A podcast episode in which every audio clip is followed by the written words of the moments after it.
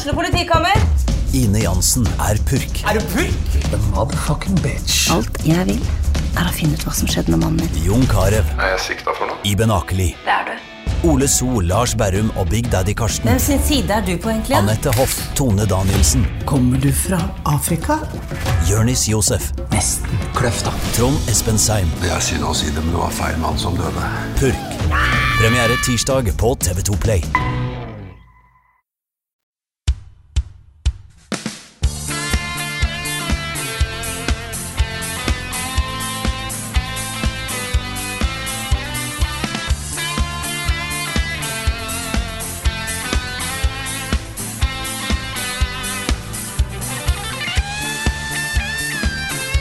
Og vi gratulerer. Grammy-vinner Assassin's Creed Valalala. Valalala, ja. Valalala. Ja, det var et bra spill. Veldig bra spill. veldig bra spill. Fin musikk. Mm, ikke minst. Velkommen, alle sammen, til podkasten Level Backup, podkasten for deg. Med Rune Fjell Olsen og Niklas Halvorsen og meg, Karl Martin Aksnes. Ja, hello, hello. Hvordan går det med dere? Ja, det går fint. Det er jo øh, per definisjon podkasten for deg. Ja. Det er jo det. Det er det. Eh, Hvis du hører deg si det, så hører du på podkasten. Nettopp. Mm, Det er en til veldig deg. Mm.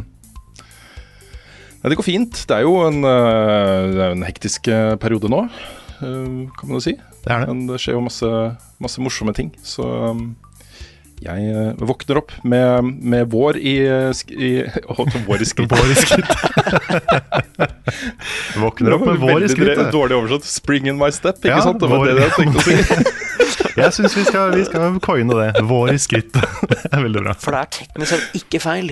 Nei, det er jo ikke det. Nei, det er faktisk teknisk sett ikke feil. Det er ikke det. Mm. Nå har sønnavinden kommet inn over Oslo, ikke sant? og snøen har smelta og isen er borte. Og, Ja, det er mye bedre enn vinter i skrittet. Ja, det er det. Å, herregud. Ja ja, ok. Ja. Ellers så går det bra. ja, men det er bra. Hva med deg, Nick? Ja, det går fint. Åh, jeg fikk så vondt av den der Bahalala-greia. Ja. For det er enkelt noe jeg kunne gjort selv. Ja, er det det? For meg, ja. Ja, enkelt, altså. liksom Det er så mange folk, ikke sant, og du skal lese opp vinneren. Ja, altså hadde det vært, hadde det vært liksom en indisk uh, folketro-ting, så hadde ikke jeg visst åssen du skulle uttale det heller. Nei, eller altså Ok, det er et par spørsmål her, det er et veldig kjent spill, på en måte. Uh, Mm. så, men ellers er det Jeg kunne fortsatt. Jeg hadde sikkert bomma på Assassin's Creed først, før Valhalla. Mm. Sino Creed. Jeg slapp i hvert fall å si eh, Xenoblade Chronicles eller et eller annet sånt, som er mye mer, mye mer vanskelig. Eller Live Alive. The win winner is live, live, live, live, live, live. Live er mm. Men vi har én ting vi skal eh, plugge før vi setter i gang med den vanlige podkasten. Let's plug it. Let's plug it, fordi på onsdag, da onsdag neste uke, hvis du hører på den podkasten her når den kommer ut, så har Level Up sjuårsjubileum som eget selskap. Å, fytti. Sju år, ass, siden vi gikk ut av VG og sto på egne bein. Ja, det er jo den datoen vi oppretta aksjeselskapet Buffkitten AS. Ja, stemmer. Som da senere har skifta navn til Level Up AS mm. i nyere tid. Um, I dag er det faktisk eh, syv år siden vi la ut videoen om at vi skulle gjøre det. Ja, Også et torsdag. Mm. Det ble min- minna Facebook meg på i, på i dag. Ja, så kult. Så det var jo da den 15. var den dagen vi på en måte launcha den nye kanalen. Stemmer. Stemmer. Så det er derfor vi teller med den 15. Men Mm. i den anledning da, skal vi streame en del på twitch.tv slash levelupnord. Oh yes. Og siden det er sju år, skal vi streame i sju timer Åh. i sju dager på rad. Hell yeah. Så fra klok klokka fem til klokka midnatt Herregud. så er vi på. I, i sju dager. Og det kommer ikke til å backfire neste år, liksom. Nei, det er Åtte timer i åtte dager. Shit, det har jeg ikke tenkt på. Det har jeg ikke tenkt på. Kommer til å bli verre og verre. Plutselig fyller vi tolv år, og så sitter vi der og Hva, hva har vi gjort? Her er vi over 24, så er vi screwed, liksom. Ja. Men, men jeg, jeg, for å si det sånn, vi skal opp en del um, år før jeg syns det blir et reelt problem. Mm. Fordi sånn tolv timer i tolv dager tenker jeg fortsatt er innafor, da. Jeg gjør det? Ja. Ja, jeg, jeg er ikke sikker. Ja, da er du mer gamer enn oss, altså. For jeg, Ja, for det, Vi har gjort tolv timer i sju dager, og det var, det, da var jeg kjørt etterpå. ja da, man, blir, det, man merker jo det. Men Men vi har jo et veldig, veldig kult program også. Det er jo ikke alt som er spikra ennå, men uh, det blir uh, mye morsomme streams uh, de syv dagene, altså. det gjør det. Det kommer jo til og med ut noen spill mens vi streamer, sånn som Mm. Wild Hearts, så vi tenkte vi skulle teste for første gang. Mm. Du driver og pønsker på en Dead Space Impossible-serie, eller stream. stream. -hmm. Og Nick, du skal spille Tunic. Ja, det, ja Tunic. Tunic, ja. Det, det kan fort bli et, sånt, eh, et av de store høydepunktene på denne uka, altså. Mm. Jeg er jo så spent på, på eh, hva du syns om det spillet, Nick. ja. Og så lurer jeg litt på, fordi du har vel fått med deg at det er et eller, annet sånn, et eller annet med det spillet som ikke er åpenbart? Det har du fått med deg, ikke sant? Ja Ja, jo. Uh, det, Vi har snakka liksom om Golden Path og litt ah, sånne ja, ting. ja, ja. Jeg har, lyst, jeg har lyst til å bare instruere deg i å ha et veldig åpent, analytisk sinn når du spiller det. Det har vært morsomt å se liksom uh, om du catcher det. Og hvis man ikke på en måte aktivt vet at det eksisterer, så kan du fort runde Tunic ti ganger før du skjønner at det er noe mer som foregår der. Det er så kult. Så mm, det er kjempestilig. Så um, keep it in mind, eh, Nick. Det hadde vært kult hvis du liksom stoppa opp litt og, og tenka litt og grubla litt og bukseteorier og sånne ting. Ja, du Ja, kan ja, ha litt sånn der of Wilds-brain når du spiller det. Mm. Okay. Det er, det er kult. Ja, så det er et liksom Et aha-spill, liksom. Ja, Mm. veldig aha-spill. Nei, fordi det, det eneste som har holdt meg litt tilbake, er gameplayet. Ja, det er sånn Jeg syns det konseptet med så mange mysterier høres kjempekult ut, men jeg er litt usikker på åssen det er å spille. Mm. Så, så det blir forhåpentligvis en, en fin stream. Helt sikker på at det blir det. Og du kommer til å like gameplay bedre enn du tror også. Ja, nice. Tipper det. Ellers så skal jo Svendsen spille God of War. Og jeg skal plukke opp eh, litt, litt diverse. Blant annet eh, Lill Gear Game fra i fjor. Som, eh, som er litt sånn, jeg føler at det er en litt sånn sleeper hit. Mm. Så det blir, blir en variert eh, uke med, med streaming. Ja. Kommer ut av fullt program i alle våre kanaler eh, hvert øyeblikk. Monopol. Tetris. Skyrim. Destiny 2. The Sims. Edderkoppkabal. Destiny 2. Animal Crossing. Pokémon Cola eller Pokémon Pepsi. Destiny 2. Gitar Hero. Kingdom Hearts Bohemian Boogaloo. Destiny 2. Level Ups spilleliste. Vi har eh, spilt masse ymse diverse den siste uka, så vi begynner med å gi ordet til eh, Neinik. Ja. For jeg eh, fikk jo endelig ut en anmeldelse nå. Det gjorde du. Da er det lenge siden sist, altså. Dead Space. Ja, jeg er dead spaced. You did, you did Dead Space. Nei, vi skal ikke, trenger ikke å snakke Nå har vi snakka om det i to uker nå. Men dæven døtte, altså. Det er fortsatt like bra. Ja, det er, jeg er jo fortsatt der at jeg har, har lyst til å spille det mer. Og jeg har jo runda det fire ganger. Så det er noe et eller annet med det spillet altså. Det var en uh, deilig start på året, syns jeg. Det å sette seg ned med Dead Space. Så jeg, så jeg ga det ni av ti, dere. You did. Ja, I did do that. Uh, og så kommer det er Ferdig med Fire Emblem-historien også, Engage. Så det kommer en anmeldelse der òg. Vet ikke helt når. uh, men det dukker opp en. En litt sånn rask anmeldelse der. Fortsatt, også, fortsatt også veldig bra, det spillet. Um, ellers så har jeg hoppa inn i Hogwarts Legacy.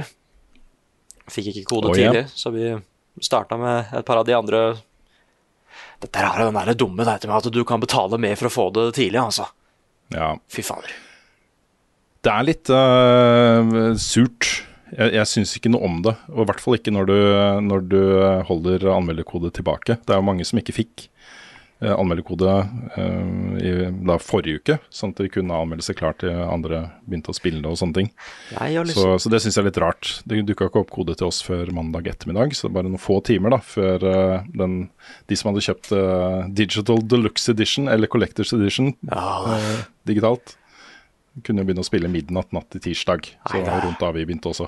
Det er en så uting. Jeg hater det med Cold Duty, spesielt for det er multiplayer og Assassin's Creed og sånn, men det er så svært, vet du. En kode litt tidligere hadde vært nice. Men mm. og Jeg skal ikke si supermye, for der kommer det også en anmeldelse. Men førsteinntrykk, så langt, så liker jeg det. For jeg driver og går rundt i filmene, liksom. Jeg er som han derre Har dere sett eh, Once Upon a Time in Hollywood-memen? Har han Leonardo DiCaprio som knipser når han ser et eller annet på skjermen som han kjenner igjen? Det er litt, ja, sånn, det er litt ja. sånn jeg gjør hele tida. At det bare Nå skal vi til Nå skal vi der hvor vi studerer eh, Defense of the Dark Arts og sånn. Å! Der har jeg før. Der har jeg vært før. Vært i de korridorene der og sånn.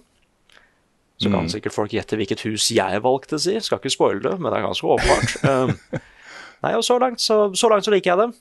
Men litt usikker på historien akkurat nå. Den er litt sånn opp og ned, og så håper jeg gameplay blir litt mer komplekst. Men hovedgreia er bare at det, presentasjonen til et Harry Potter-spill er veldig på plass her. Mm. Musikken er der òg. Ja.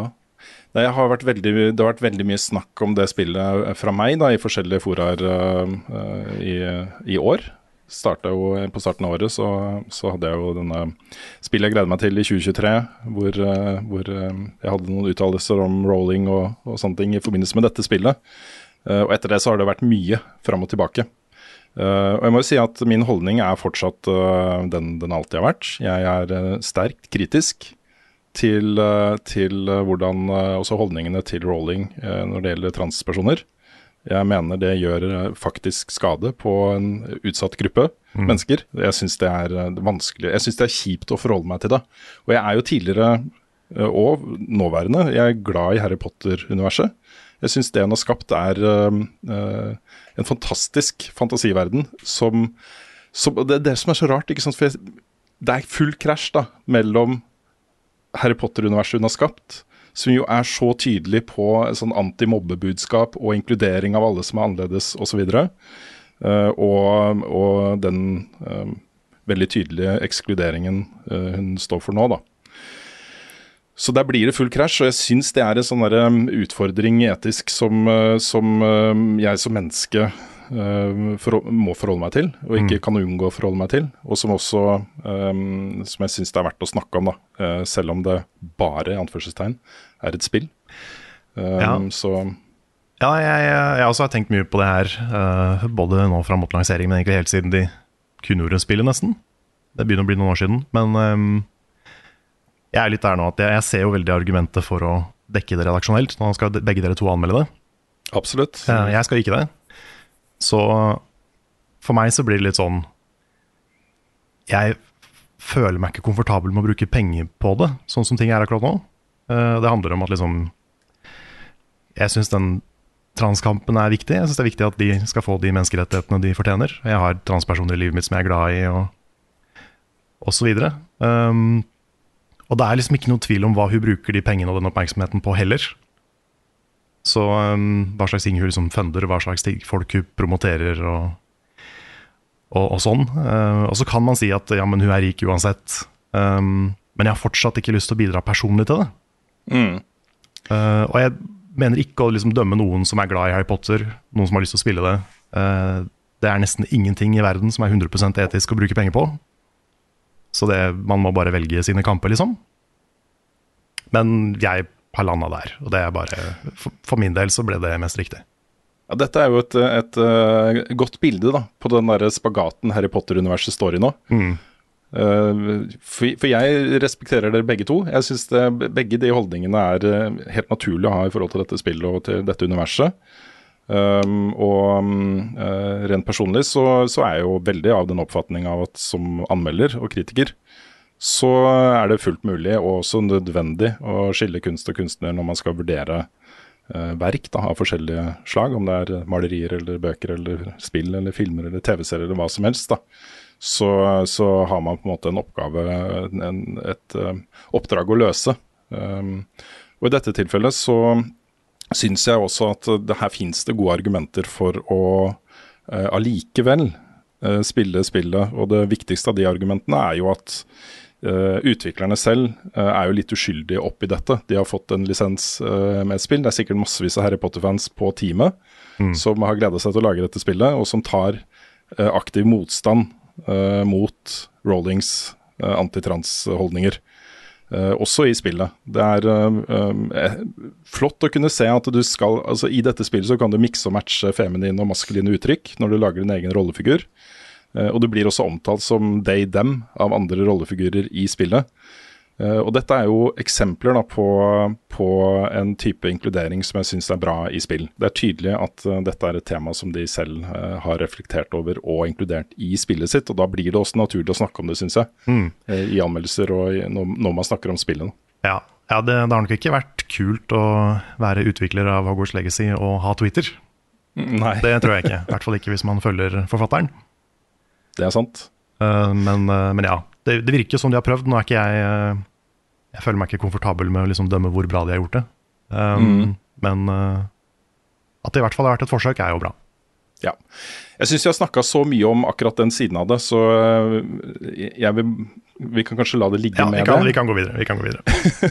Fordi uh, som deg, Nick, så har jeg jo fokusert mest på hva spillet faktisk er i min anmeldelse. Uh, og der er jeg enig med deg. Som Harry Potter-opplevelse så, så har det ikke kommet noe som er i nærheten av så bra uh, på spill. Og jeg har spilt mange Harry Potter-spill da de kom ut i forbindelse med filmene. Og det var dusinvare, altså. Stort sett. Noen av de var ganske bra, men ingen av de var fantastiske.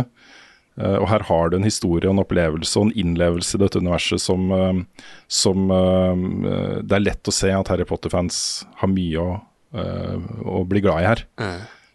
Det, det er kanskje det sterkeste kortet dette spillet har. Um, og så er det jo utrolig svært. Det er kjempesvært, både i, i areal, men også i lengde på historien og, og sånne ting. Og den fungerer jo sånn at du har en, en bakenforliggende main quest. Et eller annet med ancient magic. Du er utvalgt. Du, du kan noe som ingen andre trollmenn kan. Uh, og det er et mysterium her som du skal nøste opp i. Uh, og det speiler jo veldig bøkene. Hvor eh, ok, du skal gå på skolen. Du skal gå i disse ti forskjellige timene og lære deg forskjellige ting. Uh, og interacte med de andre elevene og sånne ting. Men så er det noe annet som foregår. Også, du, hemmelige steder og ganger og uh, Voldemort og ut og masse magi som, ved siden av. da. Og sånn er dette spillet også. Så, så alt i alt så syns jeg det er Jeg syns også det er et uh, veldig bra Harry Potter-spill. Uh, jeg vil få sagt, og da har jeg lyst til å ta et spørsmål uh, som har kommet fra Alexander Ånvik. som spør da hva er det beste spillet du kan bruke magiske krefter i? Siden Hogwarts Legacy er ute, er det noen andre ma magical spill som dere syns er spektakulære og awesome? Og jeg, hvis, du, hvis du ser på Hogwarts Legacy i direkte sammenligning med andre spill i samme sjanger, og da snakker jeg om uh, sånne spill som Horizon, Forbidden West, uh, Assassin's Creed Valhalla, Uh, til en viss grad God of War, Ragnarok og God of War også. Ikke i åpen verden-tilnærming, men i måten historien fortelles på, den plassen rollefigurer får og, og sånne ting. Og ikke minst da The Witcher 3 og Elden Ring. Særlig de to siste er jo sånne power fantasies med magi som jeg syns Hogwarts Legacy ikke kommer i nærheten av. da. Det å være en mage i Elden Ring er betydelig mer heftig enn å bruke magi i Hogwarts Legacy. Også. Og det tror jeg folk eh, eh, som har spilt begge deler, kan være enig i. så, så det fins massevis av spill i denne sjangeren som gjør åpen verden og åpen verden rollespill bedre. Eh, og det er en sånn faktisk informasjon. Så det er en subjektiv mening. Det er jo det jeg mener. Jeg mener det fins bedre spill her. Eh, så det var mye lettere å sette terningkast på Hogwarts Legacy enn jeg trodde det skulle være. Eh, men ditt perspektiv, Nick, er jo ikke uvesentlig. For det er jo ingen av disse spillene som foregår på Galtvort. Nei. Eh, og det er jo et element dette spillet har som ingen av de andre spillene har. Så hvis du er blodfan av Harry Potter ehm, Jeg fikk en melding på Twitter i dag av en som hadde tatovert uh, Death Eater-tatovering for uh, 17 år siden. og fulgt dette universet og, og også mener Eldring er bedre, men uh, hallo, Galtvort. Det, um, jeg forstår det også. Full forståelse for det. Og det kan jo da løfte opplevel denne opplevelsen uh, til å bli vel så god som Horizon og de andre der. Eh, tenker jeg, da. Det er litt, eh, litt morsomt når man nevner det der med magispill. Fordi det er jo den ene tingen som er kjempebra med Forspoken. Den der Battle Mage-kampsystem-greia. Ja. Det er på en måte, Jeg vil, ikke anbefale det spillet, nødvendigvis. Men, eh, men akkurat den der magi-combaten er veldig kul. Så det er, det er kanskje den tingen det spillet har naila best. Ja. Ja, for å svare på spørsmålet til Alexander, så har jeg da lyst til å nevne Elden Ring og Dark Souls. Det å bygge liksom mage um, characters i de spillene er dritfett, altså. Dark Souls 1, to- i hvert fall 1 og 3. jeg vet ikke om jeg vil inkludere ja, Det er mye kul magi i Dark Souls 2 også. Um, The Witcher 3, selvfølgelig. Divinity Original Sin 2 uh, er et uh, kongespill på det. Uh, Noita, dette finske Ja. pixel-spillet, som, eh, hvor du spiller som en witch, rett og slett. Uh, Final Fantasy 7 remake og sånt, eh, Carl. Ja, jeg er litt på grense, grensa for mage-spill, kanskje. Det Ja, kanskje, kanskje, kanskje. Men ja, du kan jo spille som Aerith, da. Så kanskje. Og så type sånn Skyrim. Ja, der er, sånne jo, spill. der er det jo magic wheel. Ja, der er det mye kul magi. Der kan det være flammekastemagi og sånn. Men, men, men det skal sies at det liksom Harry Potter-magien den skal ikke være superspektakulær, altså, dere. Den er mer sødel, ikke sant? Det er bare de der gudemagikere som har sånne helt crazy magifights og sånn. Mm. Pluss at mye av det er jo det som skjer utafor combaten nå, ikke sant? Så at det liksom kan få ting til å sveve og få ting til å bli mindre og skifte til noe annet og bli usynlig og Mm. ting og tang. Ja, det er jo mange av de, de sidequestene og dungeons og sånt du finner i, i Hogwarts Legacy som, som aktivt uh, um, uh, oppfordrer deg til å eksperimentere. Altså Det er ikke åpenbart hvordan du skal løse puzzles for å komme videre, men det er ved hjelp av en spill du har. Stort sett, da. Det hender at du kommer til steder du er litt for tidlig til. Um, da må du komme tilbake når du har fått den spillen du trenger. Men uh, det er jo også en sånn sidequest som handler om, uh, om Merlin trollmann Merlin, som Mm. var en av grunnleggerne av Slytherin. uh, som, eh, som har lagt ut noen sånne puzzle quests rundt omkring. Eh, som, som bruker da alle de spellsa du har lært eh, i puzzles. Og det, det er jeg enig med deg i, Nick. Det er, et, det er i hvert fall et perspektiv, da. Men jeg, jeg, jeg syns jo at i de situasjonene hvor, du, hvor det åpenbart er altså de bosskampene og de store kampene mot mange fiender og sånne ting, hvor du skal bruke magi, så får jeg av og til litt sånn pew-pew-følelse også. Selv om, selv om det er formildende omstendigheter. Du kan jo bruke sånn ancient magic av og til. Det tar jo former som du ikke vet helt på forhånd hvordan vil være. Men eh, ofte veldig, veldig heftig også. For det er det jeg er spent på liksom seinere. Bare hvor svær Hvor svært blir det faktisk med magien og sånn? Mm. Jeg skal til eh, Bergen i morgen. Også på, det blir i dag, når podkasten podcasten er ute, på fredag, for å være på Spillhuset for å snakke mer om, eh, om eh, det å møte eh, holdninger hos eh, skapere av kunst og kulturuttrykk, eh, som eh, kanskje står i kontrast med, med det de faktisk lager, eh, verkene de står for og står bak. Det blir en veldig spennende og fin samtale som også det skal gjøres opptak til. Muligens at det kommer på NRK Debatt på radio. Det, det blir godt å få snakka om disse tingene i en sånn type fora. Jeg Nå er det sånn at min anmeldelse kommer da på fredag på NRK. Eh, din anmeldelse kommer når den er klar en gang, Nick. Ja, ja, sorry, jeg veit ikke helt nå. Det er, det er svært. Mm. Uh, og jeg tror nok at vi begge to får sagt det vi har lyst til å si om spillet i hver vår anmeldelse. Yeah. Så bare følg med på de og, og les de, og uh, ha i bakhodet hva vi har, har sagt om spillet og sånne ting. Ehm, så jeg vet ikke, skal vi si det er nok om Hogwarts Legacy, eller For nå? Ja, for jeg, jeg må anmelde reverse, liksom. Ja. ja, det er sant. Jeg har i hvert fall ingen problemer med å anmelde det, og det, det mener jeg med hånden på hjertet at det er um, Det tar jeg på strak arm. Det var ikke noe problem i det hele tatt.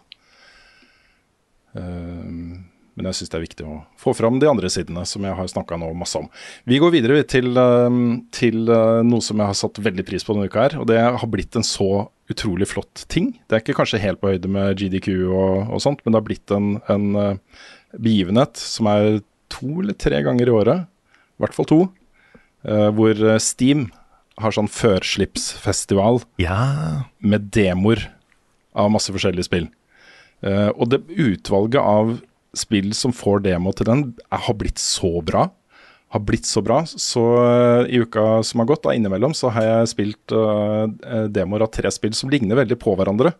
Uh, I, eh, i eh, både eh, spillbarhet, men også måten de ikke gir spillerne informasjon om hva de skal gjøre. Det, bare, det er informasjon i verden som gjør, som skal være nok da, til at du skal finne ut hva du skal gjøre for å gå videre. Så det var litt morsomt å spille de liksom back to back, og bli satt i akkurat den samme modusen om at nei, her er det ingen ikoner eller noe som viser meg uh, løsninger på puzzles og sånt. Jeg må bare eh, finne ut av det på egen hånd. Og Det første jeg spilte, var Tesla Grad 2, som jo er et av de aller mest etterlengta norske spillene som kommer ut i år. Uh, som var veldig sånn. Du blir bare sluppet ned på dette her, og du, du skal videre, og det er fiender som jakter på deg. Du har ikke noen uh, angrepsmuligheter ennå, så du må bare unnslippe å finne ut hvordan du gjør det. Eh, on the fly. eh, med litt sånn hektiske greier. Og mm, jeg syns kanskje at, eh, at eh, de to andre spillene var litt flinkere til å gi deg den informasjonen du trenger. Jeg ble Særlig mot slutten av den demoen så ble jeg stående litt fast. og var sånn, ja, men Hvordan bruker jeg de ferdighetene jeg har til å komme meg dit? Uh, og Så ble jeg stående og knote litt, og jeg var litt sånn stressa på at uh, dette kommer jeg ikke til å få til. Og så ble det en skikkelig dårlig video til uh, å ha i bakgrunnen på YouTube-versjonen av denne podkasten her, men så klarte jeg det til slutt, da. det bare føltes litt tilfeldig at jeg faktisk fikk det til. Så det er åpenbart et eller annet med kontrollsystemet der som jeg ikke helt har catcha ennå. men det, veld, det jeg så, det var veldig, veldig lovende, altså. Dette er en utrolig stilig verden med en kjempefin uh, uh, hovedrollefigur. Massevis av sånne norske um, musikkelementer, og, og, på skilt og sånn så står det liksom 'Fjellet' med, med, runeskrift. da, Men det står på norsk 'Fjellet'. Du kan lese 'Fjellet' selv om du ikke vet kan det runeskrift. Um, og det var en utrolig fin stemning og veldig kule abilities. Så, så dette her tror jeg kan bli innmari bra, altså. Fikk uh, alt i alt et veldig godt inntrykk av, uh, av Tesla, Tesla, Grad 2 fra, fra Demon. Uh, og så gikk jeg videre til Planet of Lana, som jo er et svensk indiespill. Um, hvor det, det, foregår da på en, en, fremmed planet, hvor du styrer en ung dame og et søtt lite vesen som, som blir sånn sidekick-figur i dette her. Og så er det sånne alien-roboter og sånt som prøver å ta deg uh, gjennom spillet. Uh, 2D, fullt 2D, det er også Tesla-grad 2. Uh, uh, Plant of Lana minner meg veldig om uh, Inside og Limbo i, i, i gameplay-mekanikker og ja, puzzle-mekanikker. Det har sett veldig sånn ut i trailerne, og sånn at det er, det er, på en måte et, uh, et limbo med farger. Mm. Ja, det er litt sånn også. Det er utrolig vakkert. Det er utrolig flott å se på. Det er sånne håndmalte bakgrunner. Mm. Uh, pluss uh, veldig flotte forgrunner også, men uh, kombinasjonen da, av å ha liksom ting i litt bevegelse og sånt i forgrunnen som er, ser veldig pent ut, og så i bak så ser det ut som et maleri. Og så vistaene og himmelen og sånt ser ut som et utrolig fint maleri. da. Ja. Um, og i tillegg så er jo både, både dette spillet og Tesla Grad 2 var jo også i, i ultrawide. Så det, det, det, ser jo så flott ut, vet du. Det ser så pent ut. Um, jeg fikk veldig godt inntrykk av Planet Olana også. Jeg tror det også kan bli et uh, kjempebra spill.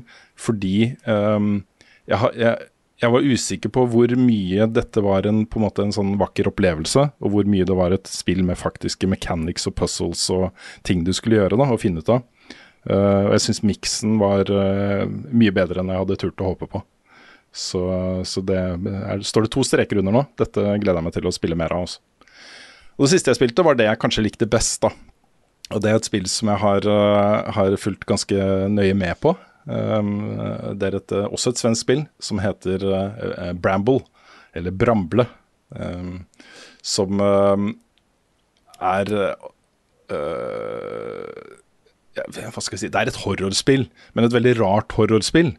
Det er, veld, det er ikke det man forventer av et horrorspill. Du er jo dypt planta inn i skandinaviske uh, myter og legender og, og folketro. Uh, du har jo Er det Nøkken eller Draugen som sitter i, i tjernet og lokker folk? Jeg tror det er Nøkken, er det ikke det? Ja, jeg tror også det er Nøkken. Og det er så creepy også, fordi du går rundt som en bitte liten rollefigur. Sånn Tommeliten-type rollefigur.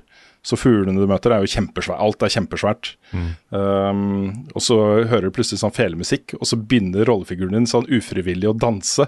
Sånn litt sånn stakkato, liksom. Ikke sant? Fordi nøkken da eh, sitter og spiller uh, fele og lokker deg til, uh, til seg. Uh, det var en utrolig det, jeg, jeg, er så imponert over det de har fått til, for det, dette er jo et veldig enkelt spill, rent mekanisk. Um, minner meg veldig om mye sånn Unity-type indie-produksjoner. Um, av liksom litt mindre størrelse. Men det er altså så mange elementer de har lagt til som, som får innlevelsen til å vokse. Alt fra litt sånn tilskiftaktig um, visuell stil til nesten litt sånn fotorealistisk naturopplevelse. Uh, lyssetting, og så sånne blader som flyr i lufta, og, og, støvfnugg og sånne ting, som gjør liksom hele opplevelsen ganske sånn magisk realistisk. Uh, så jeg satte utrolig pris på å bare være i det spillet. Det var en, uh, en flott opplevelse, altså, som var både skummel og creepy, men også uh, stilig. Det var en veldig stilig opplevelse. Så det også tror jeg kan bli en, en kanonopplevelse også. Eh, og så vil jeg også nevne at jeg har jo fått i posten, dette nevnte jeg på stream i går også, og på Sidequest på nerdelandslaget, uh, i posten nå. Jeg hadde helt glemt at jeg hadde brukt altfor mye penger på å kjøpe det for, uh, for lenge siden. Vi snakker nesten halvannet, to år eller noe sånt. Eh, Analog Pocket. Og det er den håndholdte spillplattformen til Analog. De har også lagd eh, sånn NES Mini og SNES Mini og eh, Det heter ikke SNES Mini, det heter, de kaller det Analog eh, et eller annet. Den som eh, Frida vant i duellen. Ja, det var, det var nesten, var det ikke det? Ja, stemmer. Uh, og det de gjør, er jo rett og slett å ta, lage ny hardware som gjør det mulig å spille originale uh, kassetter og cartridges fra gamle plattformer. Alt fra liksom Nintendo-ting til Sega osv. Uh, og Analog Pocket er jo laget primært for uh, Gameboy, Gameboy Color og Gameboy Advance-spill. Du kan sette cartridges fra de rett inn i maskinen, og så funker det. Og skjermen er jo 1440 eh, piksler i høyden. Uh, den har jo den derre 4.3-formatet, så det er ikke fullt 1440P, men det er 1440P på skjermen. Uh, den har innebygd musikk, et musikkprogram, så du kan lage Gameboy-musikk. du kan også lage spill på den. og så kan du også kjøpe en dockingstasjon, som jeg har gjort, da. Som gjør det mulig å koble den opp til TV-en eller til capture-kort. Dette er jo et arbeidsverktøy for oss også, Mm. med HDMI. Og Det er altså en så utrolig fet maskin. Ja, den er kul, ass. Den er sånn Ja, den er helt overlegen. tynn og svart. Veldig sånn slik. Ser Mhm. ut som en uh, Kunne vært en litt sånn uh, rar telefon, liksom.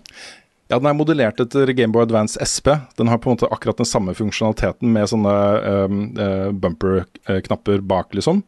Uh, og de samme type knappene foran, med, som du bruker med tomlene på. da.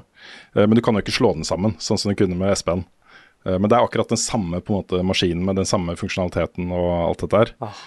Og det er også min favoritt håndholdte spillkonsoll noen gang, er jo Gameboy Advance SP. Så det er bare gode følelser, altså. Altså, den er, alt funker liksom. Alle spilla, til og med alt fra Vans og Yes. eh, og du kan også skaffe sånne adaptere som gjør det mulig å spille sånn type um, uh, Game Gear og um, Sega håndholdte spill og sånne ting. Så du bare stapper deg inn en adapter inn i cartridge-slotten, og så kan du putte originale uh, spill fra andre plattformer også på den. Oi, oi, oi. Så jeg bare sånn, Neste gang jeg skal til Japan nå, da skal jeg gå litt bananas på Super Potato også, og bare kjøpe inn alt jeg har lyst til å ha som jeg ikke allerede har. Så, eh, så jeg gleder meg til å Vi har jo drevet og pussa opp leiligheten, så alt ligger i bokser eh, rundt omkring. Jeg må finne tilbake Metroid Zero Mission og de gamle, favorittene mine fra Gameboy Advance altså, og spille de på nytt. Eh, nå har jeg muligheten til å gjøre opptak også fra, fra det, så det er good times. Nice, nice. Vil du, er du ferdig, Nick, eller har du mer å ta opp? Å nei, nei, nei, jeg er ferdig. Ja, ok, da kan jeg ta over, da. Ja, ja, hva, faen hva, hva har du spilt, Carl? hæ? Nei, jeg har spilt Jeg har ikke spilt sånn kjempemye, for jeg har sittet og klippet eh, toppliste hele uka, som er ute nå. Så check a look if, if you haven't. Yeah. Men jeg har eh, begynt på A Space for the Unbound. Dette, dette indonesiske spillet som er eh, Som virker litt inspirert av sånn som Persona og eh, Night in the Woods og de, de spillene her. Handler om eh, å dykke ned i sjelene til folk og prøve å liksom gjøre verden bedre. Somehow. Veldig mye katter i spillet. Det er positivt. Til og med kommet til en sånn liten øy, sånn, sånn cat sanctuary, og sett noe glimt av en sånn der eh, litt mer sånn skummel sånn cat god. Så det er eh, mye rart som foregår her. Jeg har ikke, um, har ikke kommet kjempelangt. Har, um, det er litt tidlig å si om jeg liker det eller ikke, men uh, jeg er litt redd for at jeg kanskje har plukka opp den store twisten allerede. Ok. At den kanskje ikke var så subtil som de trodde den var. Men uh, you never know. Kan hende at det overrasker også. Hmm. Så jeg er spent på hvordan det utvikler seg. Og så kan jeg si kjapt at jeg, jeg plukka opp Pokémon Go igjen i sommer. Og nå har jeg en Pokédex på 728 Pokémon. Wow. Det er mange Pokémon. Det er mange Pokémon. Jeg tror det er sånn 760-70 i spillet. Så jeg, er nesten, jeg har nesten en komplett Pokédex.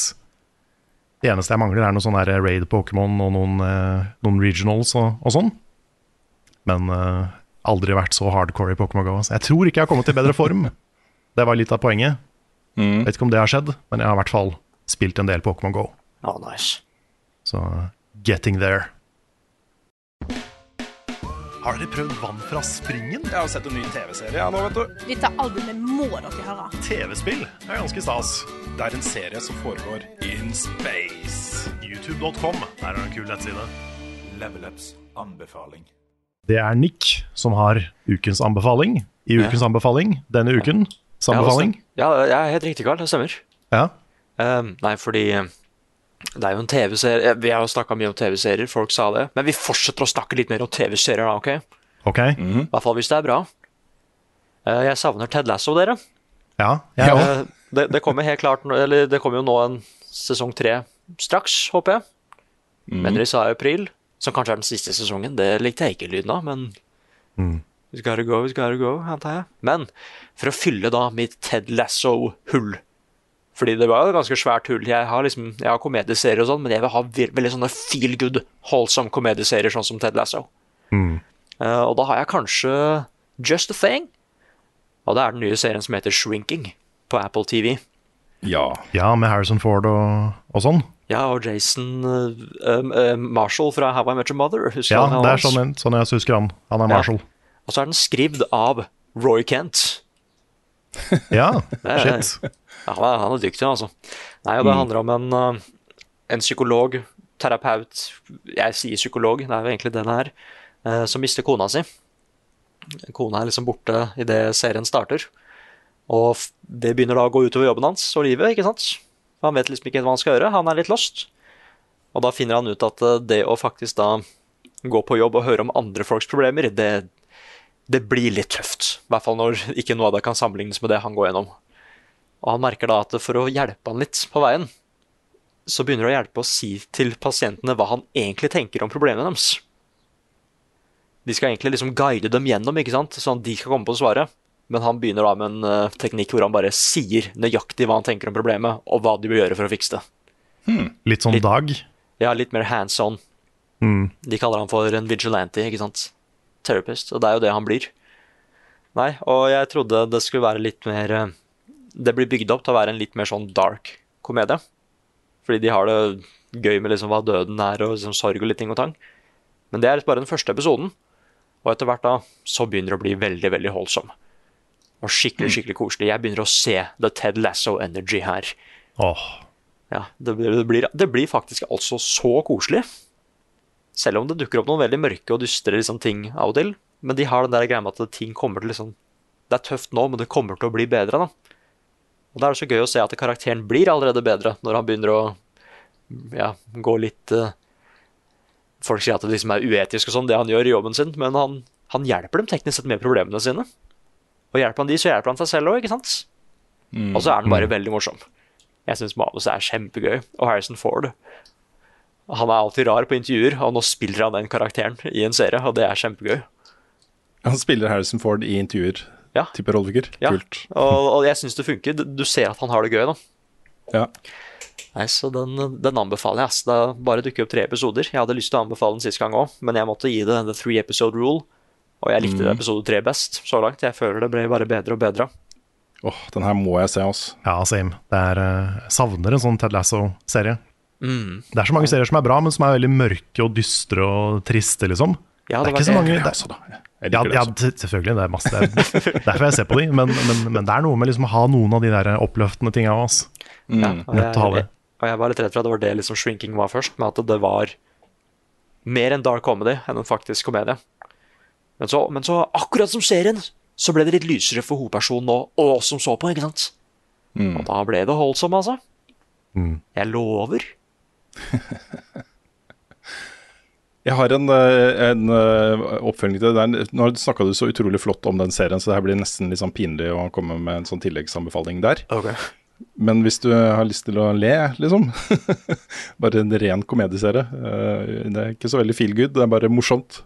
Så har nå også Det er en britisk komiker som heter Diane Morgan, som har en rollefigur som heter Philomena Kunk. Jeg elsker det navnet.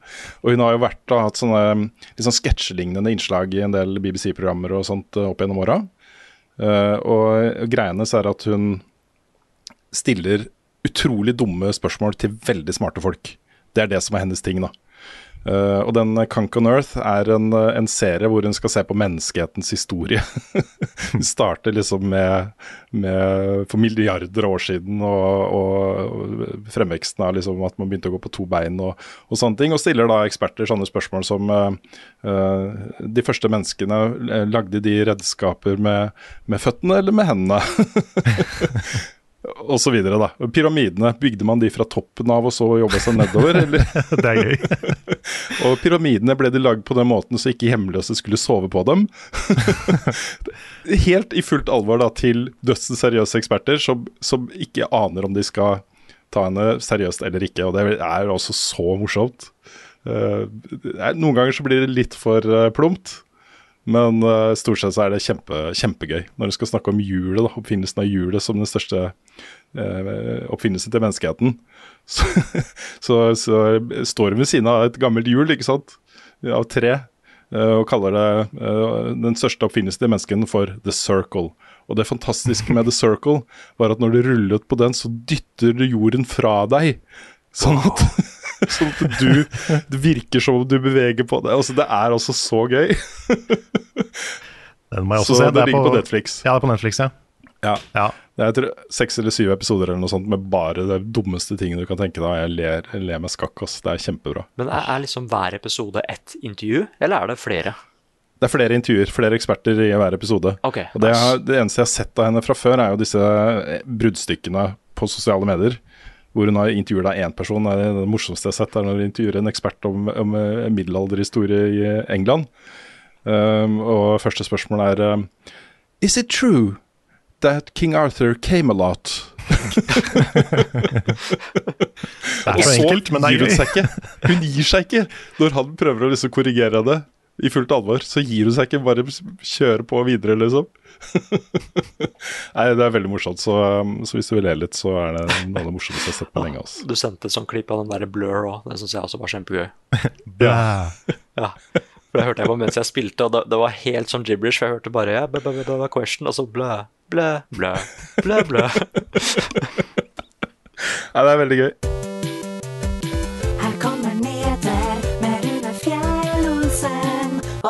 Har ikke hår. Vi satt oppe vi eh, klokka 11 eh, natt til eh, torsdag for å se en Nintendo Direct som ble da som vanlig plutselig annonsert dagen før at den skulle komme. Og det var da 40 minutter med spill som skal komme til Switch i løpet av dette året her. Altså det, som vanlig så ser det ikke noe lenger fram i tid enn det. Nei, det var jo nesten bare fram til sommeren. Nesten bare fram til sommeren, det stemmer det. Eh, Så det kan hende at det kommer ting til høsten som de ikke har snakka om ennå. Det er et godt poeng, Karl. Eh, Jeg må si at vi etterpå var litt sånn skuffa over at ikke det var noen hottere, liksom store nyheter fra Nintendo. Dette var mye spill vi hadde hørt om fra før, også sett ting fra før. Eh, Men jeg har valgt ut noen av de liksom største nyhetene fra den directen, som når man ser på det på den måten som jeg gjør nå, på, som stikkord på en, et sendeplan til podkast, så var det jo en del greier der allikevel, da. Det var jo det. Det var det. Var det? Jeg begynner jeg med en uh, nyhet som er etterlengta for uh, mange. Um, litt um, Jeg blir litt sur, uh, fordi Nintendo gir jo ut disse spillene sine igjen og igjen og igjen, og folk blir like glad hver gang. Men folk blir glad. Så, så det at nå Gameboy og Gameboy Color, og etter hvert også Gameboy Advance-spill, nå skal komme til Switch Online, er en gladnyhet for veldig mange av oss også.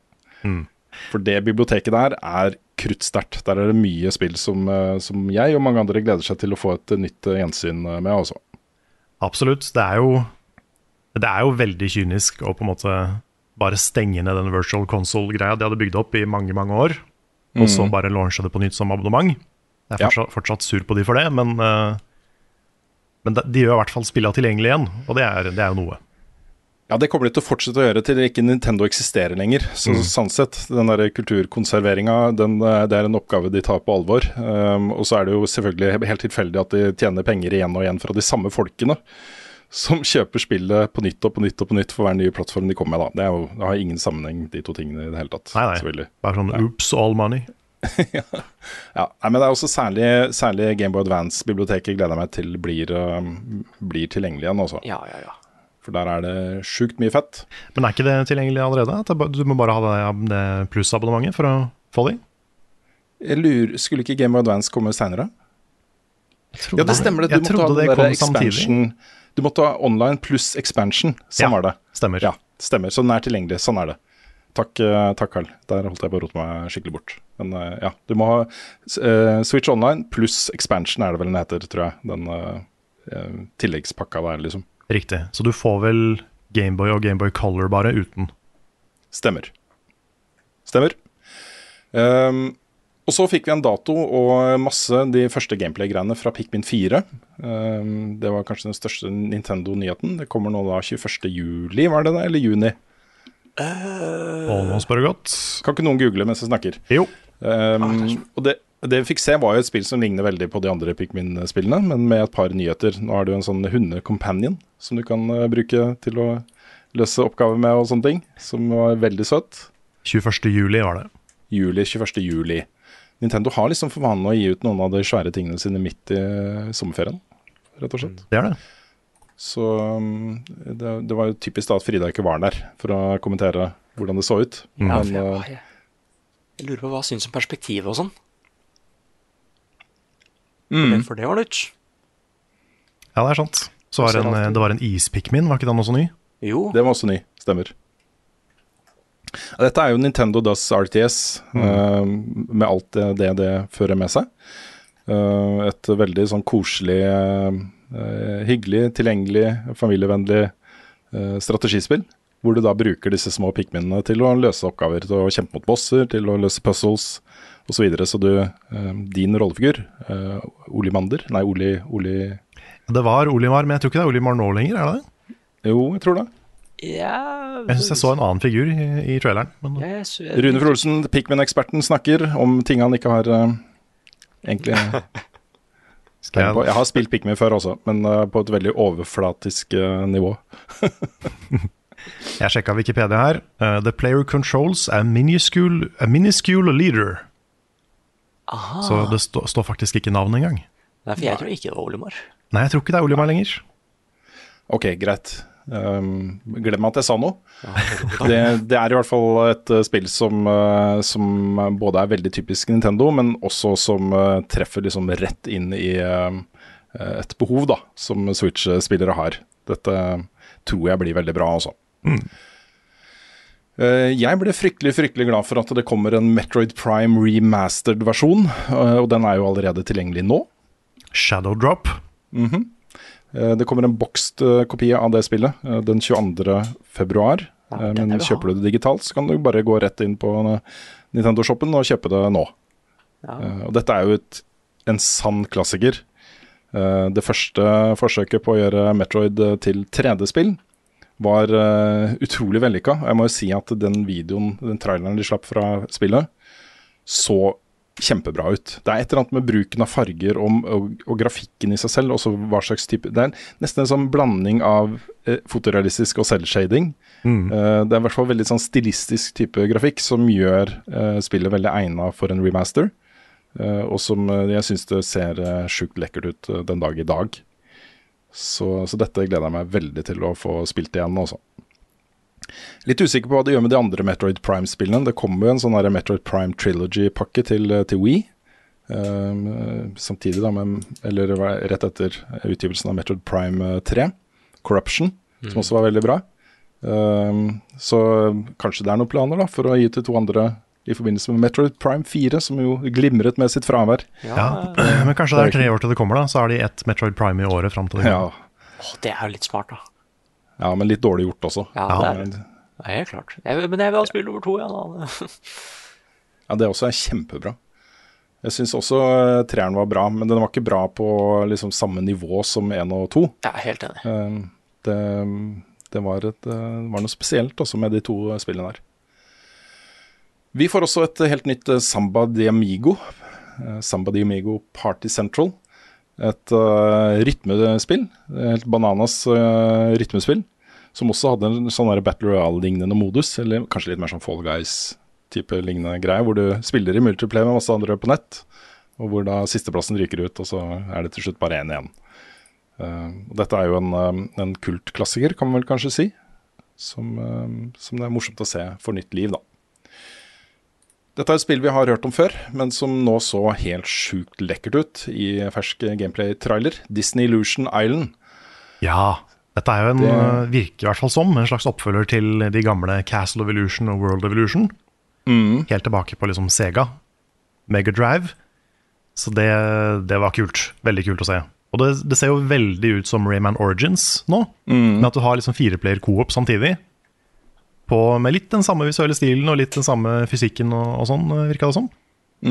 Så eh, det så dritkult ut. Det har lyst til å streame og anmelde og full pakke. Ja, jeg jeg også syns det så kjempebra ut. Det var et eller annet med animasjonene og disse verdenene og puzzlene og måten du brukte co-op til å løse eh, Til å kjempe mot bosser og løse puzzles og sånne ting. Så veldig clever ut, altså. Jeg har, har tro på at det kan bli veldig bra. 28. juli var datoen på det, så det kommer da til sommeren. Uh, vi fikk også se masse fra uh, Sea of Stars, som jo er en slags oppfølger uh, til um, The Messenger.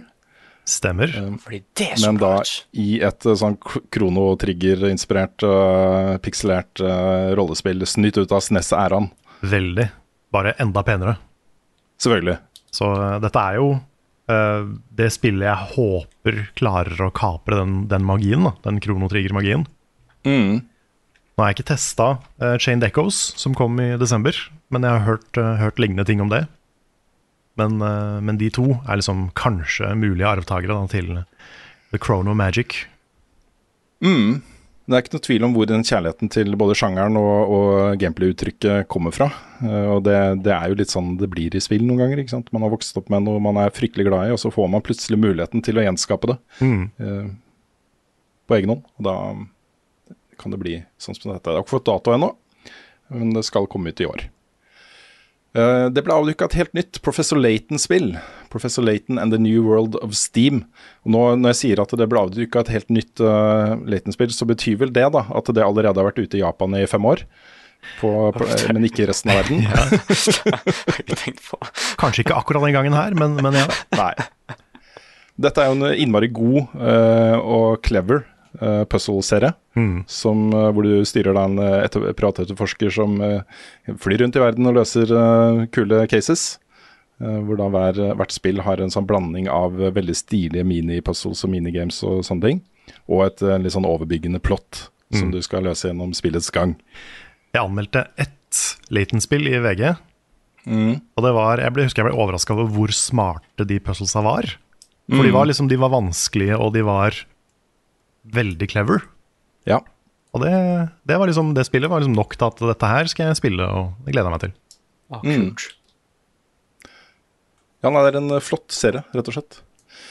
Uh, Advance Wars 1 og 2 uh, remastered fikk også endelig en dato. Det er 21. april, Nick. Mm. Det blir gøy. Dette er jo legendariske spill fra Game of Advance-æraen. Mm. Fader, Game of Advance hadde så mye bra spill, altså. Ja, det, det, det var ganske uh, sjukt hvor mye baggers det var der. Ja, ikke sant? Med Advance Wars og Golden Sun og, og masse, masse, masse masse sånne klassiske kjempeopplevelser. Håndholdte kjempeopplevelser. Mhm. Et eller annet med at du, du hadde kommet såpass langt i teknologien da, at du kunne tilby en sånn SNES-lignende visuell opplevelse. Særlig med den Espen. da. Eh, Den første Game of Advancen som kom, var jo eh, ikke så veldig lyssterk. Så det å på en måte få med seg alt som skjedde, på skjermen, da var du avhengig av å ha god belysning. Mm. Mens Espen var jo, hadde jo sånn baklys LED-skjerm som gjorde at, eh, at det ble mye lettere. Så, så dette er sanne klassikere også. Um, fra skaperne av eh, Ace Attorney uh, får du da en ny mulighet til å spille et uh, spill som uh, ble en kultfavoritt på DS i 2011, nemlig Ghost Trick Phantom Detective. Ja, det har mange Der- fans. Ja, og det er jo sånn type spill hvor du kommer inn i en situasjon hvor noen uh, har dødd eller skal dø. Og så må du uh, bruke da dine supernatural powers til å endre omgivelsene sånn at de ikke gjør det. er ikke det en eh, grei beskrivelse? Jeg tror det. Ja. Um, jeg har bare notert her, Nick, Fire Emblem. Åh, oh ja. Du kan få lov til å kort bare trekke fram de største nyhetene om ditt all time favorittspill. Eller i hvert fall et av dem. ja, det var ikke noe helt av dem, helt klart. Nei, det var var liksom, jeg visste at det var season pass til Engage, men nå fikk vi se hvem som dukker opp der. og det var kult. Spesielt Hector. Han er kul fordi han er en hero som har øks, dere. er det som er greia. Han, alle har sverd, men han har øks. Er han den eneste som har øks? Han er ikke den eneste, men han er uten tvil den mest kjente og en av de første. liksom.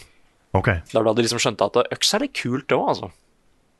Um, nei, også pluss at nå kommer Fire Emblem til uh, Det var derfor jeg ble så glad for denne advance uh, til Nintendo Nei, til Switch-nyheten, ikke sant? For jeg har mista mitt originale Fire Emblem. Oh, ja. Ja, og liksom, og vet du hva? Der dukka det opp der. Eller det kommer til å dukke opp der, liksom.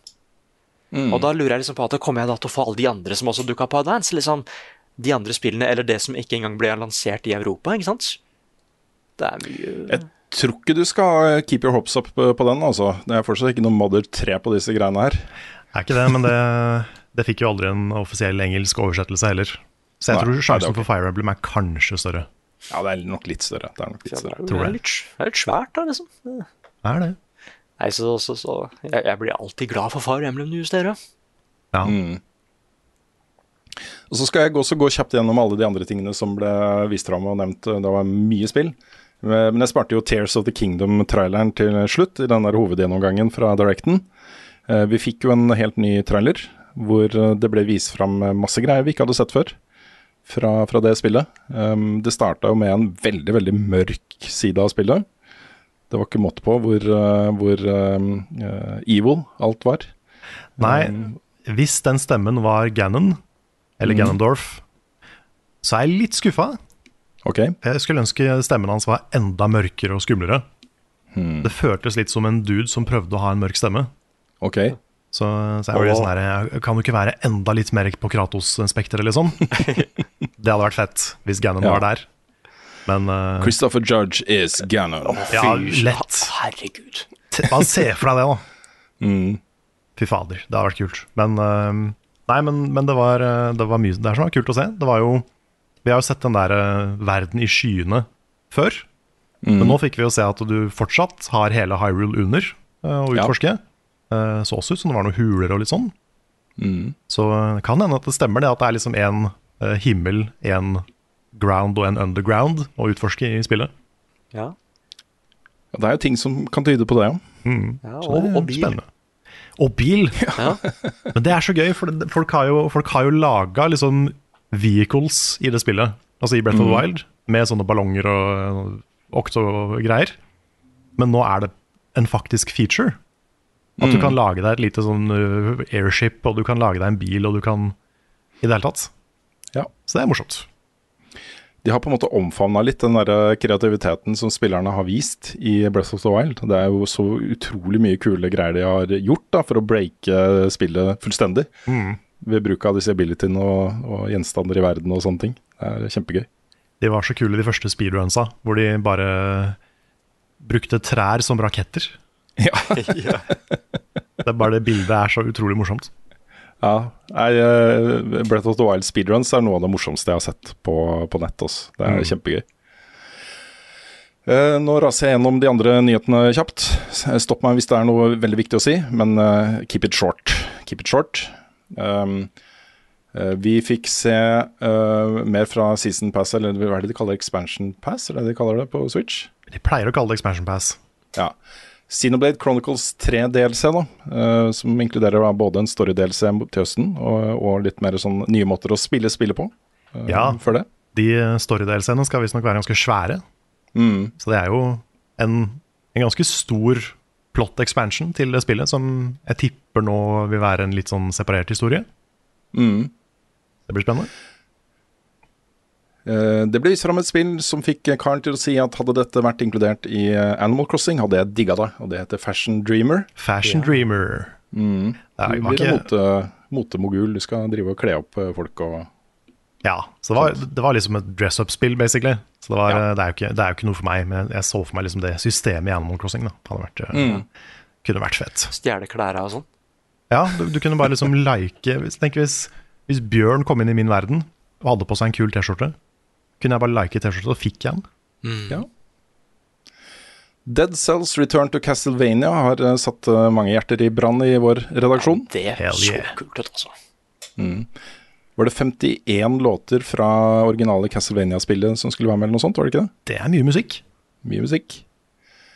Ser kjempebra ut. Eh, Vi får et, et, et eh, narrativt drevet eh, spill fra Tron-universet, som heter Tron Identity, eh, som også så kult ut.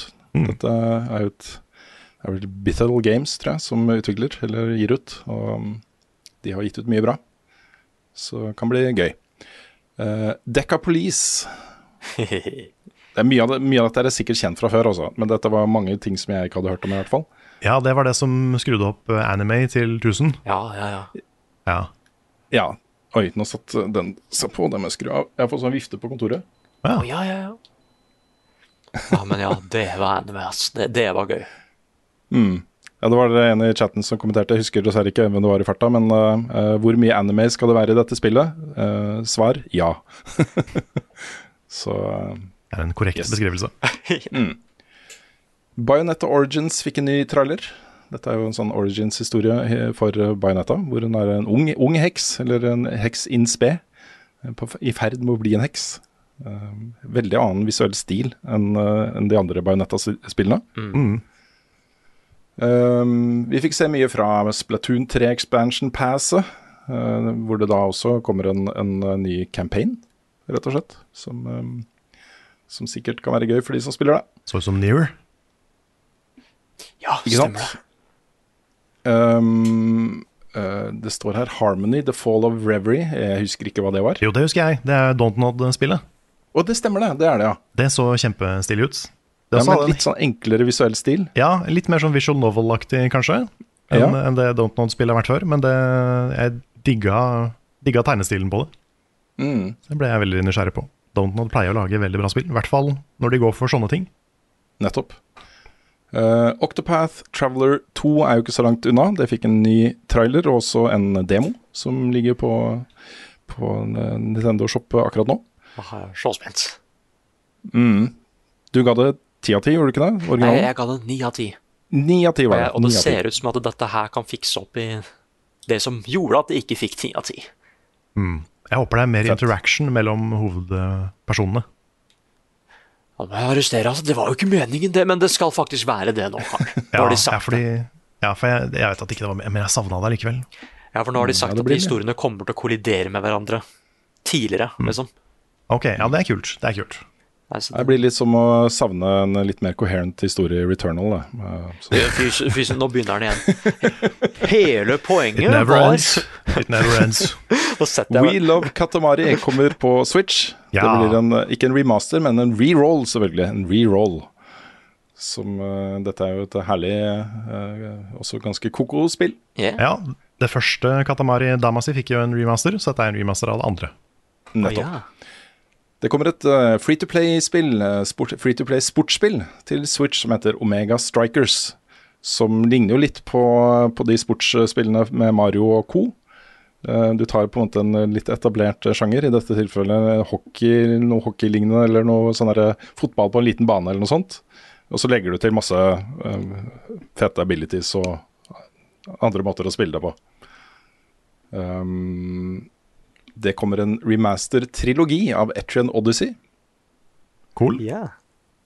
Vi fikk eh, se en del fra en eh, epilog til Kirbys Return to Dreamland Deluxe, som heter Magalore Epilog, eh, som er da en ny historie med da Magalore, som åpner seg opp når du har runda hovedspillet. Dette er jo en, bare en ny versjon av det spillet som kom ut på Wii U. det Da har du fått en del deluxe-utgaver av andre ting også. Mario Kart og Stemmer. diverse. Um, fra utviklerne av uh, Danganronpa, det som er verdens beste spillnavn, uh, Raincode. Raincode. folkens. Det så jo veldig Danganronpa ut, bare litt mer 3D og litt mer budget. Jeg syns det så også så, i hvert fall stilistisk, Mm. uh, stilig ut, det spillet.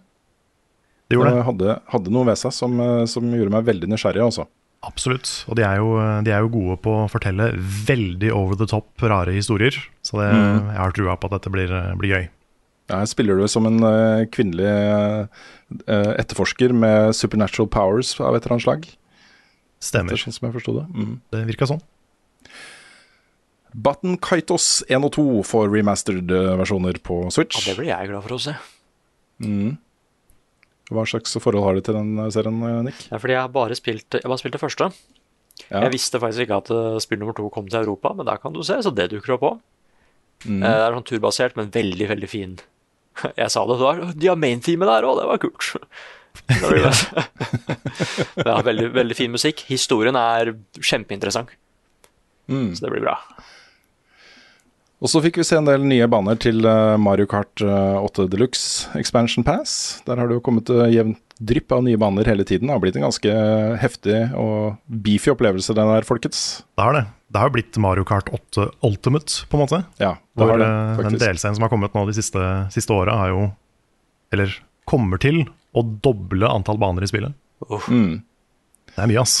Her er det både nye baner og nye eh, cards, nye characters osv. Så, eh, hvis du er glad i Mario Kart, så kommer det da bare mer og mer og mer. Og Det siste spillet jeg har satt opp, er et eh, spill som eh, er det, mange av de nå er ting som er inspirert av liksom Animal Crossing, um, Stardew Valley, den type koselige Nå skal vi farme og tilpasse omgivelsene våre til etter vårt eget ønske og bygge hus og alt dette her, som heter Fantasy Life. Og det så ut som en, hva skal man si, en det, det hadde, Visuelt ligna det veldig på Animal Crossing New Horizons, syns jeg. Du var på en øy her, og du, trærne så ganske like ut, og gresset så ganske likt ut, og eh, nivåforskjellene i terrenget så ganske likt ut, og sånne ting. Men det var jo et, et uh, du, hadde, du hadde flere muligheter da, til farming og crafting og, uh, og sånt, Mm. kanskje. Det er, litt, det er litt tydelig at vi liksom nettopp har vært i en pandemi, når eh, alle disse spillene kommer ut som handler om det samme. Om liksom den der eh, stelle hjemme og, og sånn. Til, Mhm. til og med mamma og pappa spilte jo Animal Crossing i virkeligheten under pandemien. Oi, der kan du se. Det er crazy. Ja, Lagde sånn hage hjemme.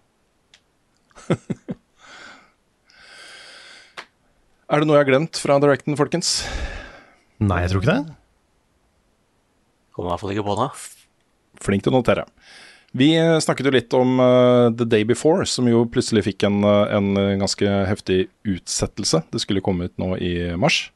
Starten av mars uh, er utsatt til september. Uh, på grunn av, da sier utviklerne, at de hadde glemt å ta copyright på, på spillnavnet. Oh så den var det noen andre som snappa opp, og dermed så ble de fjerna fra Steam. Åh, det er slemt. Men også Tenk så sure de må være på seg sjøl. Ja, men det ble jo tatt imot av fansen da, på en, eh, på en litt sånn forutsigbar måte. Fordi de begynte å tenke sånn Kan dette stemme, da? Eh, Eksisterer dette spillet faktisk? Har vi egentlig hørt om noen som faktisk har spilt dette spillet? Mm. Eller er det bare, bare eh, video vi har sett, som ikke er spillbart osv.? Uh, og nå har da utviklerne svart. De sier jo for det første da at de blir litt slitne av at folk liksom tar eh, slutninger basert på begrensa informasjon og bare etablerer nye sannheter uten, uh, uten eh, rot i virkeligheten. Så, så den kjenner, kjenner det seg ikke igjen i det hele tatt. Og de slapp da en tolv minutter lang gameplay-video fra spillet. og Det er jo fortsatt utviklerne selv som spiller, men de gjorde jo dette for å fortelle folk at ja, dette spillet eksisterer og det skal komme ut, og sånn ser det ut.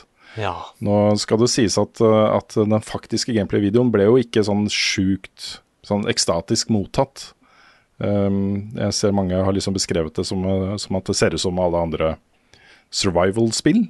Um, men um, det er jo sider ved det spillet som, hvis de holder det de har sagt og lover, som, uh, som er veldig spennende også. Ikke minst dette MMO-aspektet, hvor det er ikke bare deg og gjengen din som, som holder på, men det er en svær, åpen verden som er faktisk MMO eh, og persistent, som gjør det det spennende. Vi er jo i veldig Rust-territoriet her, men eh, da med Unreal Engine 5-grafikk og sånne ting.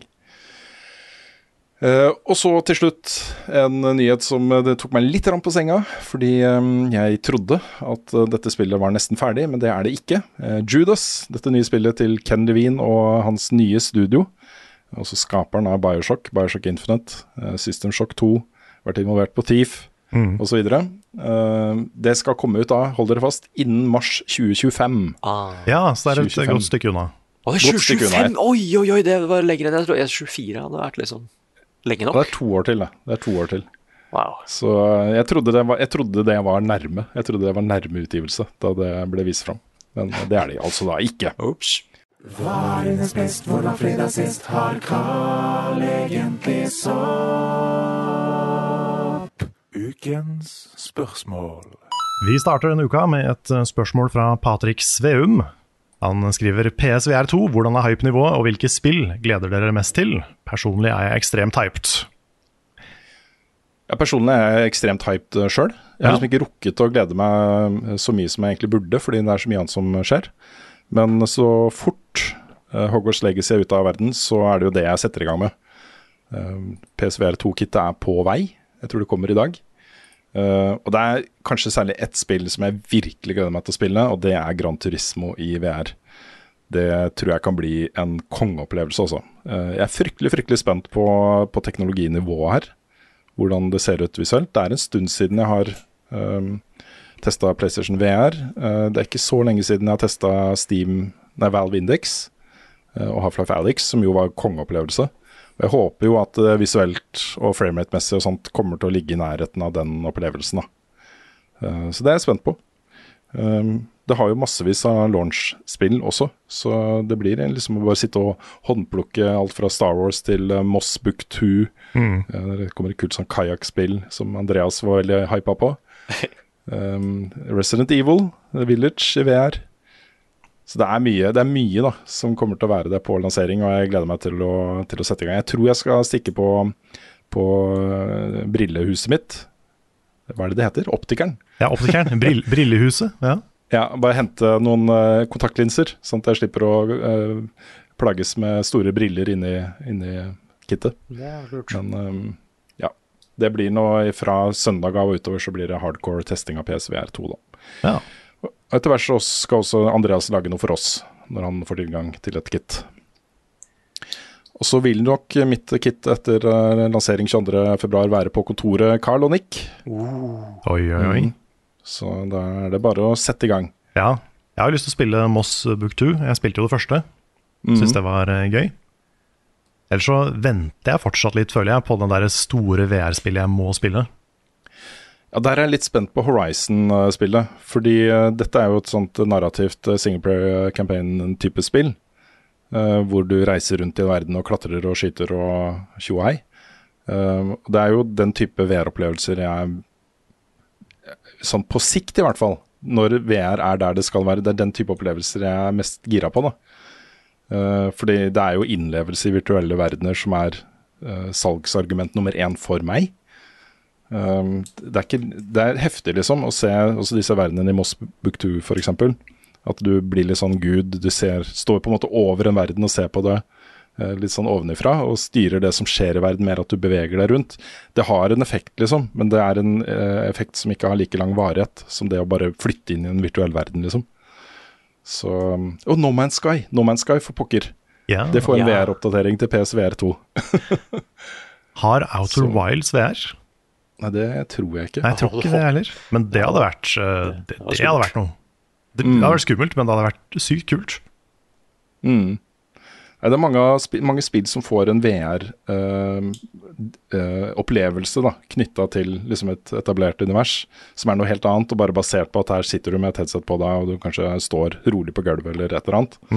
Så den Star Wars-greia skal jo være litt sånn, da. Det er mer sånn scener fra Star Wars eh, hvor du er i VR. Doom hadde en sånn type opplevelse som var unik for VR. Bare basert på at du skulle være i Doom, men det var ikke samme spillet liksom som, som de andre. Så, så det blir Jeg er kjempespent. Kjempespent er jeg. Det, det gleder jeg meg til. Cool, cool. Kan jeg ta et uh, spørsmål til her? Ja, kjør på. Det er et eh, spørsmål fra uh, Fjøsnissen, som jeg syns var litt søtt. Eh, som lurer på da Blir det live pennelek om dere drar til etere? Skal vi sitte i salen på disse pressekonferansene og faktisk kaste penner? Ja, i huet på folk. Ja, ja. Ja. Jason Schreier får en penn rett i bakhuet. ja men de veit hvem vi er. Ikke sant? Ja, ja. Men bare Oh yes, it's a level up, you got the pens. Cool.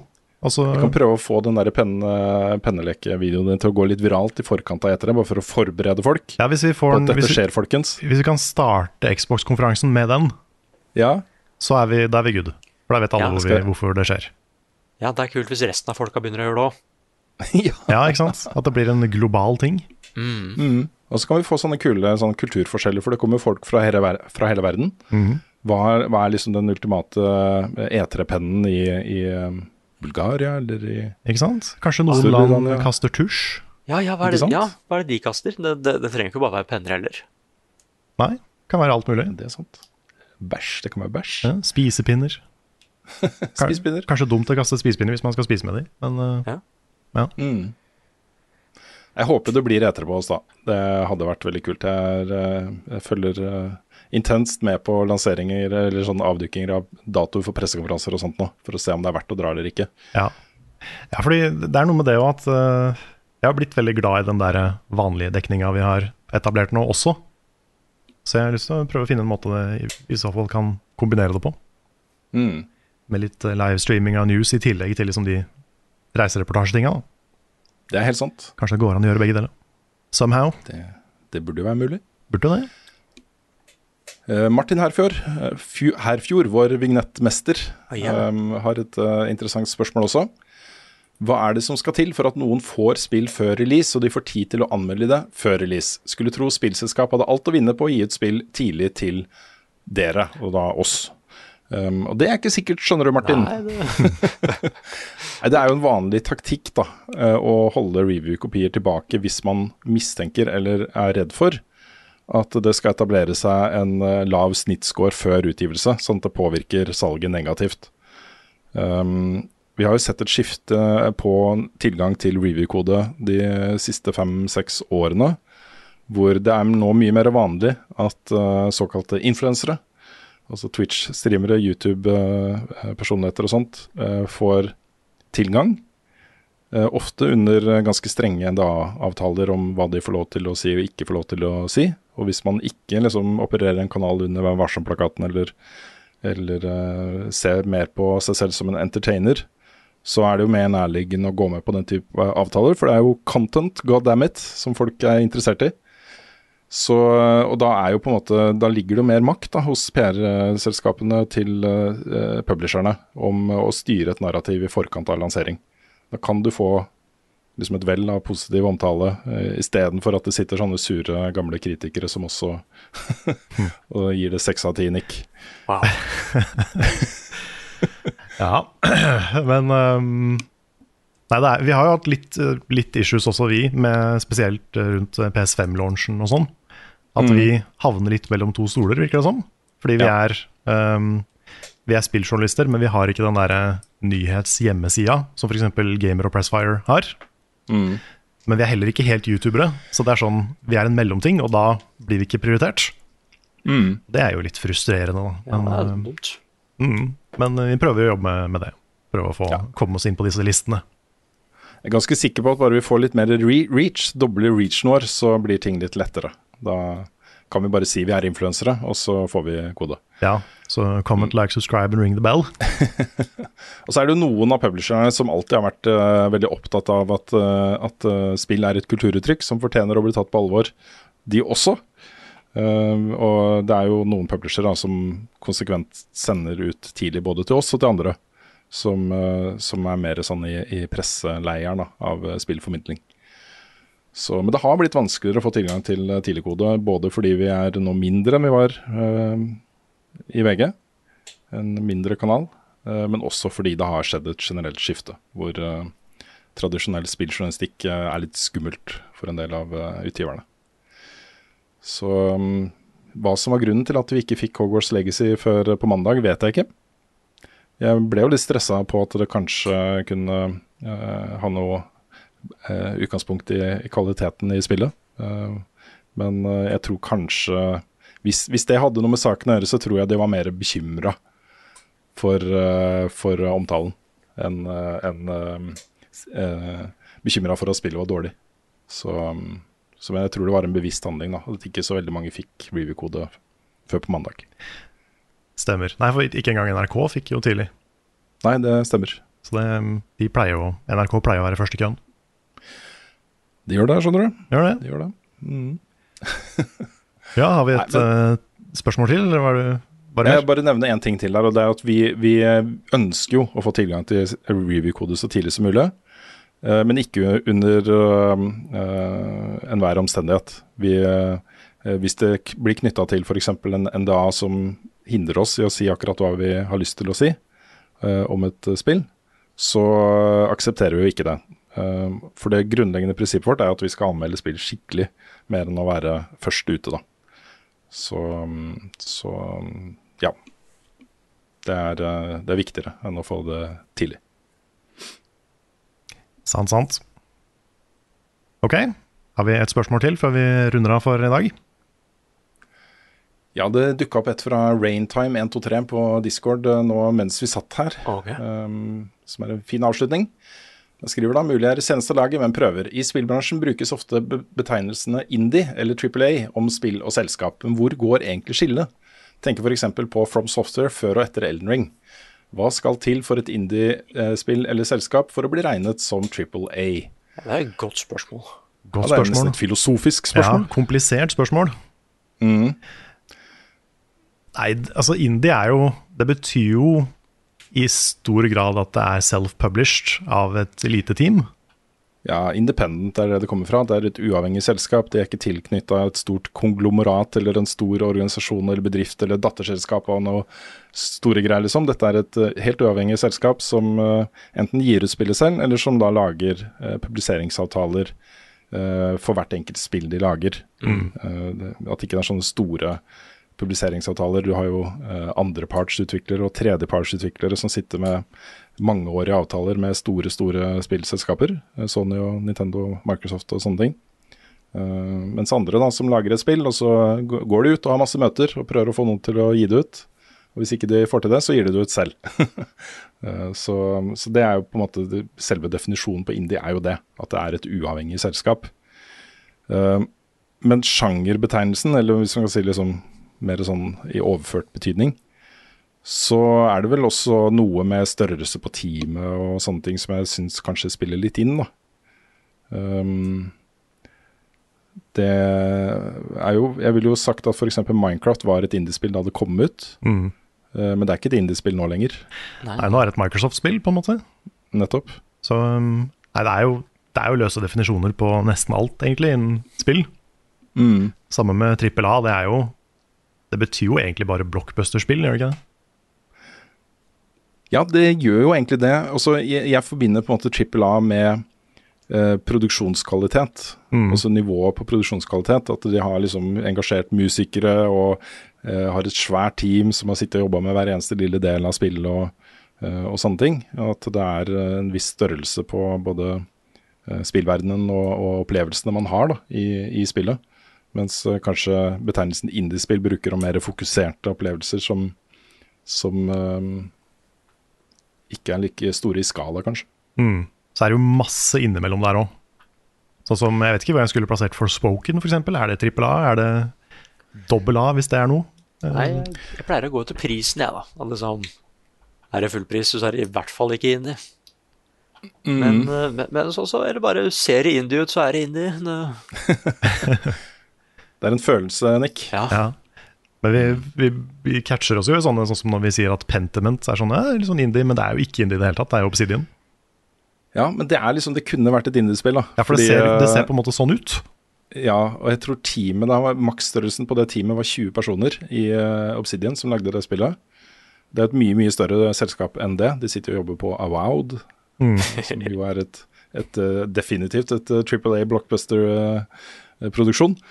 Um, men i starten her så var det jo bare Josh Sawyer uh, som fikk med seg en eller to kollegaer, og så satt de og pusla med dette her en god stund før de begynte å involvere flere da, i produksjonen. Mm. Så rent utseendemessig og, og innholdsmessig så er jo Pentiment, vil jeg jo si, er fremstår som et indiespill. ja. Mm. tror jeg er No Man's Sky et indiespill? Ja, men ikke sant, det er jo det, da. Ja. Ja, det er vel Ja, eller, men det er jo i forbindelse med PlayStation, da. Ja, det, det er jo en publiseringsavtale som de knytta til det spillet. Det PlayStation eier jo ikke No Man's Sky uh, IP-en, de eier rettighetene til å gi det ut. Og sånn er det jo med alle indieselskaper også. Hvis de først tegner en publishingavtale for et av spillene deres, Mm. så, um, så er det jo på en måte gift med de plattformene som publisherne Ja. Det er så mange nyanser her, ass. Hmm? Det er så mange nyanser. Det er så vanskelig å definere. Ja. Men Hello Games i seg selv, selv er jo et privateid selskap som ikke er eid av noen andre enn Hello Games. Mm. Eh, De er ikke så innmari mange ansatte heller. Det er et lite studio, eh, sånn forholdsvis. da. Um, så, så jeg vil si at de faller inn. Men det er, det er en sånn type spill som er kanskje litt i grenseland. Mm. Samme med Subnautica, f.eks. Ja. Sant. Det er ingenting som er lett å definere i spill. Sjangere er flytende, og betegnelser er flytende. og Mm. I det hele tatt. It's a mess. It is a Det er mess. det. Så er det noen indiespill som fremstår som Triple A blockbuster-spill også. Det er det. Uh, jeg vil jo si kanskje of Wilds uh, ligger nesten litt i den sfæren. Mm. Så er det jo Hollow Night. Ja, sant. Nei, skal vi eh, sette strek der?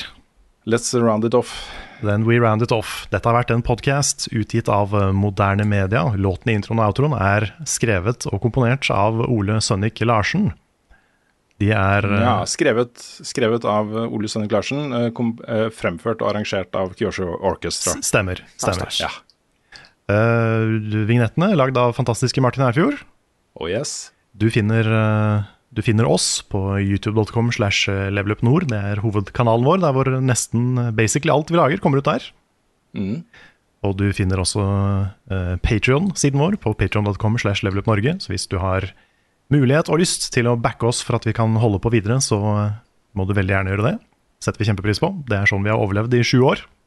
Uten tvil. Ikke minst sjekk ut maratonstream neste uke. Fra onsdag til tirsdag. Fra klokka fem til klokka tolv hver dag. Å, herregud. Det blir, eh, det blir gøy, Nick. Ja, altså, det blir kjempegøy, men wow. Ja, Vi kommer til å være slitne etterpå, men det blir gøy. Eh, hva mer? Jo, vi har en spreadshop. Levelupnorge.myspreadshop.no. Der finner du merch, bl.a. NAC-T-skjorter. Altså ikke offisielle NAC, men NAK. En helt annen figur. Helt så annen figur. ingen kan saksøke oss for den. Ah, nice. Nei.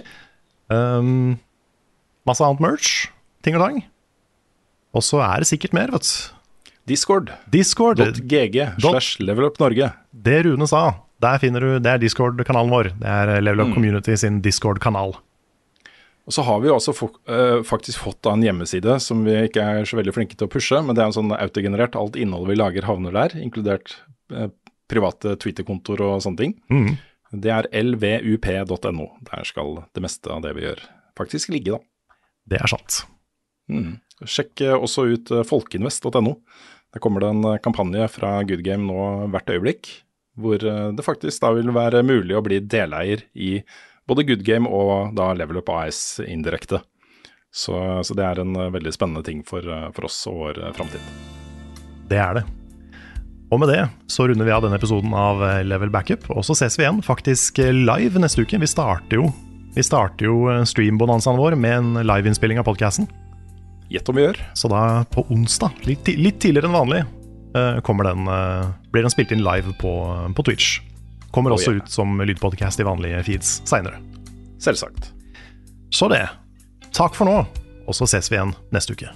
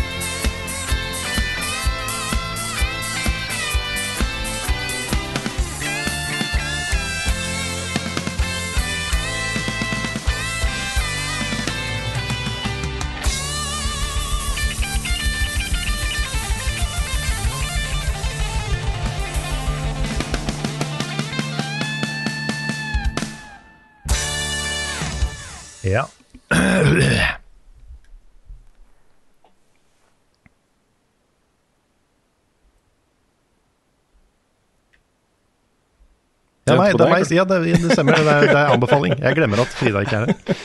You can do this, Carl. I can do this. I'm not used to it. Ok, um, anbefaling. Hvem har første anbefaling?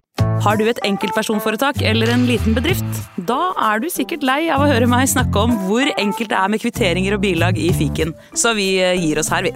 Fordi vi liker enkelt. Fiken superenkelt regnskap.